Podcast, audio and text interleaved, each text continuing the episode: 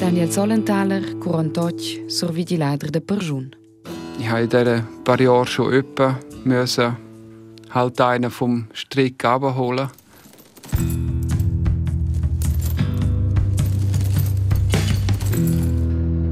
Podcast.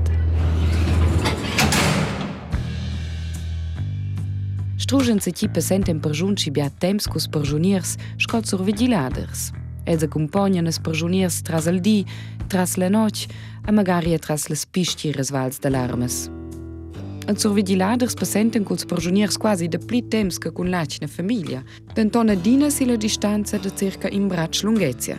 Cosce na relaziun veso, a chi che jem perjun al chef frequenta mi, mio nome è Sabrina Bondi, oz el podcast al Daniel Solenthaler. Da pi ci sia ton survigilader, pi baule el sen hova quera, oz e la nova perjuna cazza stignez. Ad a schoia sai di quella relazione. Für das gibt es ein gutes Wort und das heißt die professionelle Beziehung. Und professionelle Beziehung heißt eben genau, man darf nicht zu distanziert von ihnen sein, aber man darf auch nicht zu nahe auf, auf ihnen sein. Also so Freundschaften, das darf es gar nicht geben. Sie mögen aber ihre Insassen trotzdem gut. Richtig. Und haben Sie auch einen Lieblingsinsass manchmal? Lieblingsinsass.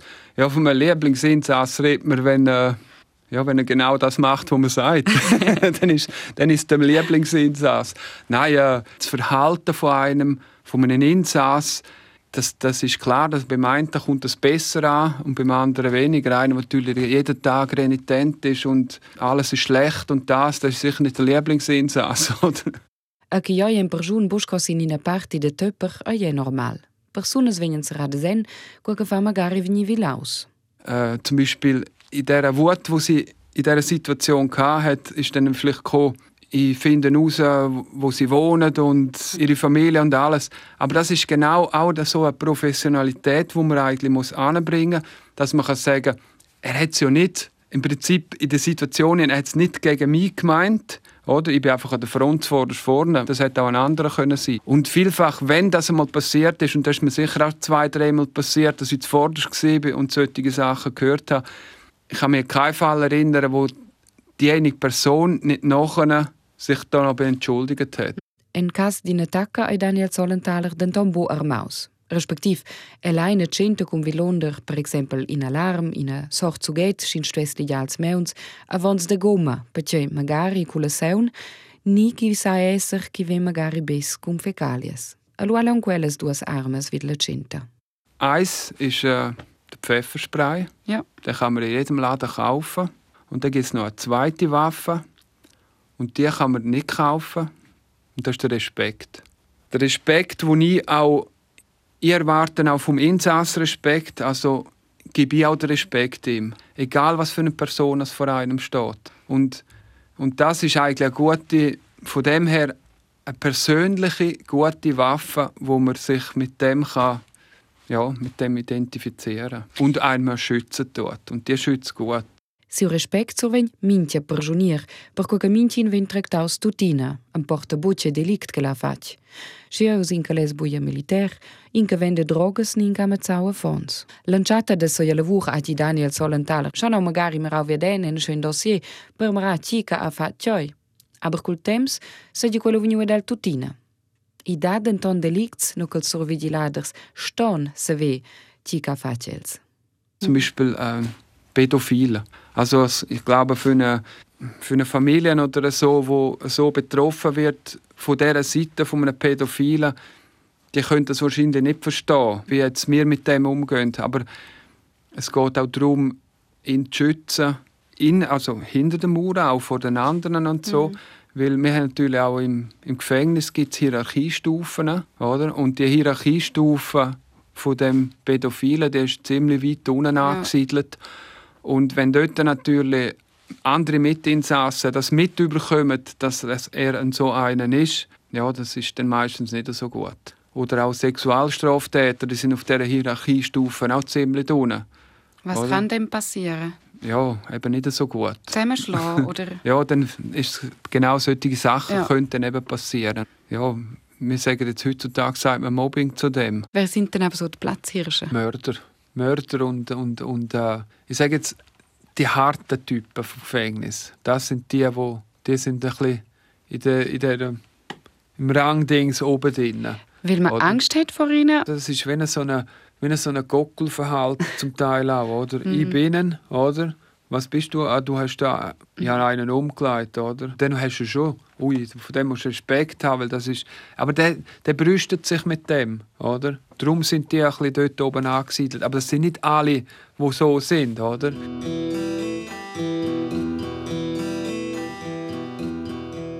Ses disiatons co survigilader a Daniel Solenthaler dizau siu dun de contemplar adina plie pli fetg. Adel crode per exempel so fort soi, Schën se ti compret tutta nina cigarettas, malgrat qu'el feme mai ellas. Ni schën se ti tschontsche tutta nina cun tot auters perjuniers ca usita. Ad el crodi d'Antonesso e, per exempel, scol perjunier va poi, ce la forsina gada busci bien. Von der Erfahrung, die ich jetzt die letzten zehn Jahre in einer Abteilung gemacht habe, da konnte ich können sagen, morgen, wenn ich nur in die Kamera geschaut habe und dann sehe, den Gang durchlaufen oder die Stege durchabkommen, dann habe ich schon gewusst, es geht ihm gut oder es geht ihm nicht gut. Mhm. Ich bin schon so weit gewesen, dass ich Teil Leute kennt habe, die genau gewusst, wo sie jetzt hinlaufen. El mender cas d'Anton Chabedia quai, que oi en perjuns bon non usitau. Num nada meinen Proves de Suizid. Ich habe in diesen paar Jahren schon öppe müssen halt einen vom Strick abholen. Per se gel toca nos adina vegnusa dures per spindrar la persona. Ed è un bain se recorda el vid l'imprima prova de suicid de din perjunier che la viu sco giuven zur vigilader. Ich kann mich gut erinnern, ich war ein junger Aufseher, ich glaube zwei, zwei Jahre bin ich fang dabei gewesen. Und dann haben wir einen gehabt, der in einer Dusche einen Suizidversuch gemacht. Und da ist ziemlich viel Blut auf dem Boden. Gewesen. Ich hatte einen anderen Dienst, gehabt, ein Telefon bekommen von einem Vorgesetzten. Kannst du nicht noch dort oben schauen? Es ist eigentlich der Rettungswagen, alles ist weg. Gewesen. Kannst du nicht noch schauen? Wir müssen noch wissen, wie mhm. sich der geschnitten hat. Und dann habe ich die Dusche die... geöffnet und da war einfach eine riesige Blutlache dort. Gewesen. Und ich habe dann so pflichtbewusst, wenn ich sehe, bei der Rasierklinge in dieser Blutlache gesucht. Oder? Und ja, ich habe sie schlussendlich auch gefunden, aber es ist sicher nicht angenehm gewesen, diese Situation.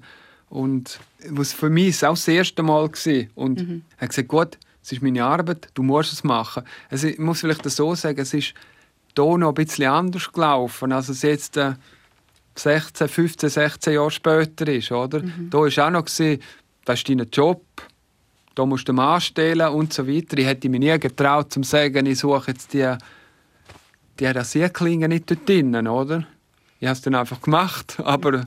Die situazioni greves che van tiere del sauden è certe situazioni di arrest e repatriament.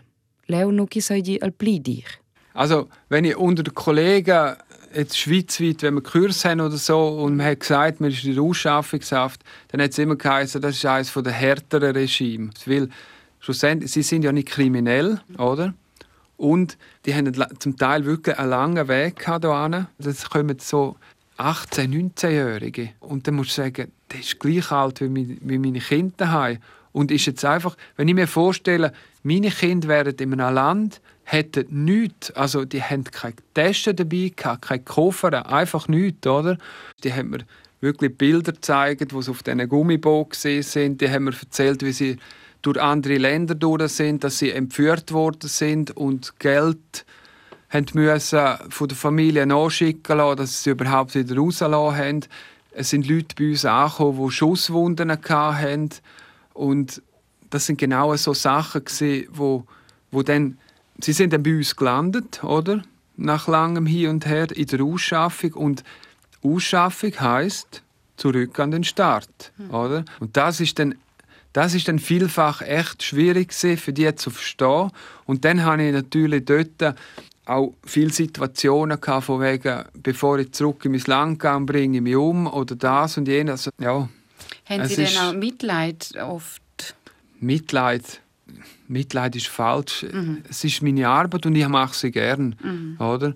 Es hat mir, also ich muss jetzt auch da, ich würde lügen, wenn ich würde sagen, es ist nicht so. Es hat auch schon solche gehabt, und ich muss sagen, also, wenn es nach mir gegangen wäre, mhm. es wirklich, es sind hoch anständig und ja, die haben kein Problem nichts gemacht und hat auch wollen arbeiten. Sie sind drinnen gewesen, die haben Deutschbücher und haben Deutsch gelernt und Deutsch gelernt und Deutsch gelernt. Ich habe ihnen auch geholfen, die, die wollen, oder?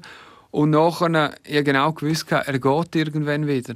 Aber es wäre jetzt genau einer gewesen, der das auch will.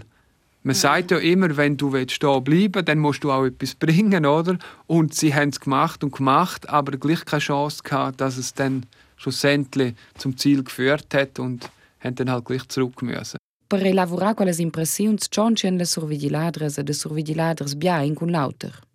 A Daniel Solenthaler ha un inauter trick per bo prender kunze e lavur a casa. El vivi en dus monds.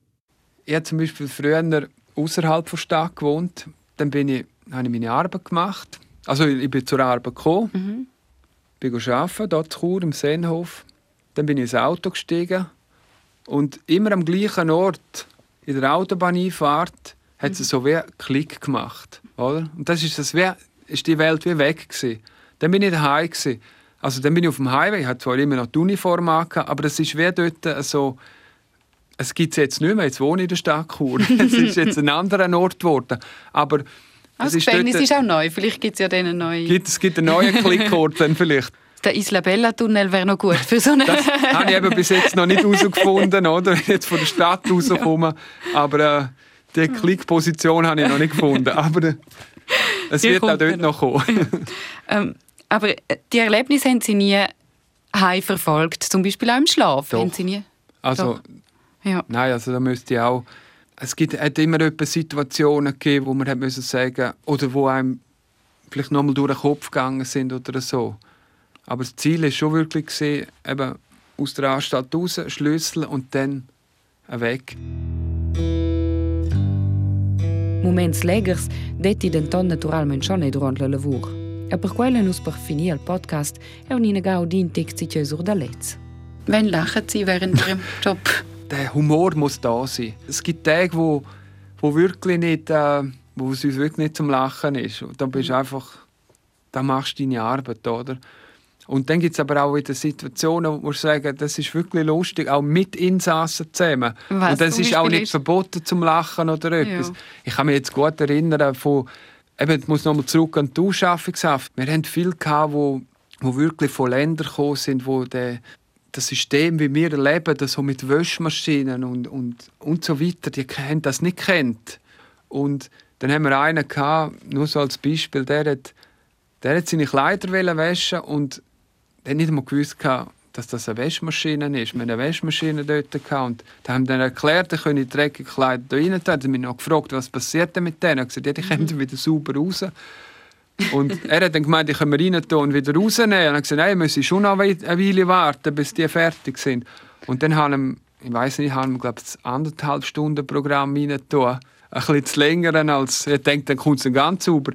Aber er hat nicht damit gerechnet, dass er einen Stuhl holt und vor der Waschmaschine sitzt und dann schaut, anderthalb Stunden, wie die Kleider rundherum geht. Weil er hat Angst gehabt, die sägen weg nachher. Ja. zum Teil haben wir wirklich Leute gehabt, die sind mit nichts gekommen. Die haben ihre Hosen und ihr Liebling. Und jetzt haben wir seine letzten Hosen und Liebling noch in so eine komische Maschine rein ja. Und dann ist natürlich, er ist eine gute Frage, wo sie nach anderthalb Stunden wieder rausgekommen sind. Ebbe als Moment sagen, scheint es magari ein Brenner in der Lauter. Was ich gelernt habe, ist, äh, oder da habe ich mir Mühe gegeben, Arabisch ist extrem schwer. Und wir haben sehr viele arabisch sprechende Insassen gehabt. Und ich habe mir dort mal die Mühe genommen, dass sie wenigstens auch können in ihrer Sprache ihnen gute Nacht sagen. Und das haben sie mir dann gesagt, oder? Zuerst ist das ist auch so etwas, oder? Wenn einer ein arabisches Wort jetzt mir sagt, das nicht arabisch kann, habe ich zuerst mich auch versichern heisst das wirklich das, was er mir sagt? Dann kann man ja erzählen, was er will. Aber das ist ziemlich, das ist vor zehn Jahren schon mal gewesen. Und das habe ich eigentlich durchgezogen. Ich habe dann gewusst, was Gute Nacht heisst auf Arabisch. Und es ist noch interessant gewesen, wenn irgendeiner ein Neueintritt gekommen ist, mhm. ist jetzt ein Arabisch sprechender gesehen, schaut uns als Polizist an und äh, wir sind die Bösen, oder? Wir sperren sie ein. Und dann gehst du am ersten Abend vorbei und bevor du die Zellentüre zumachst, sagst du dem auf Arabisch «Gute Nacht». Mhm. Und mittlerweile haben sie es auch noch verstanden. Wir fangen so gut worden, dass äh, dann ist gerade das Lächeln zurückgekommen. A con in sorri content va Daniel Solenthaler e la nova persona l'uvra perché lau specchia sinel in una nova sfida.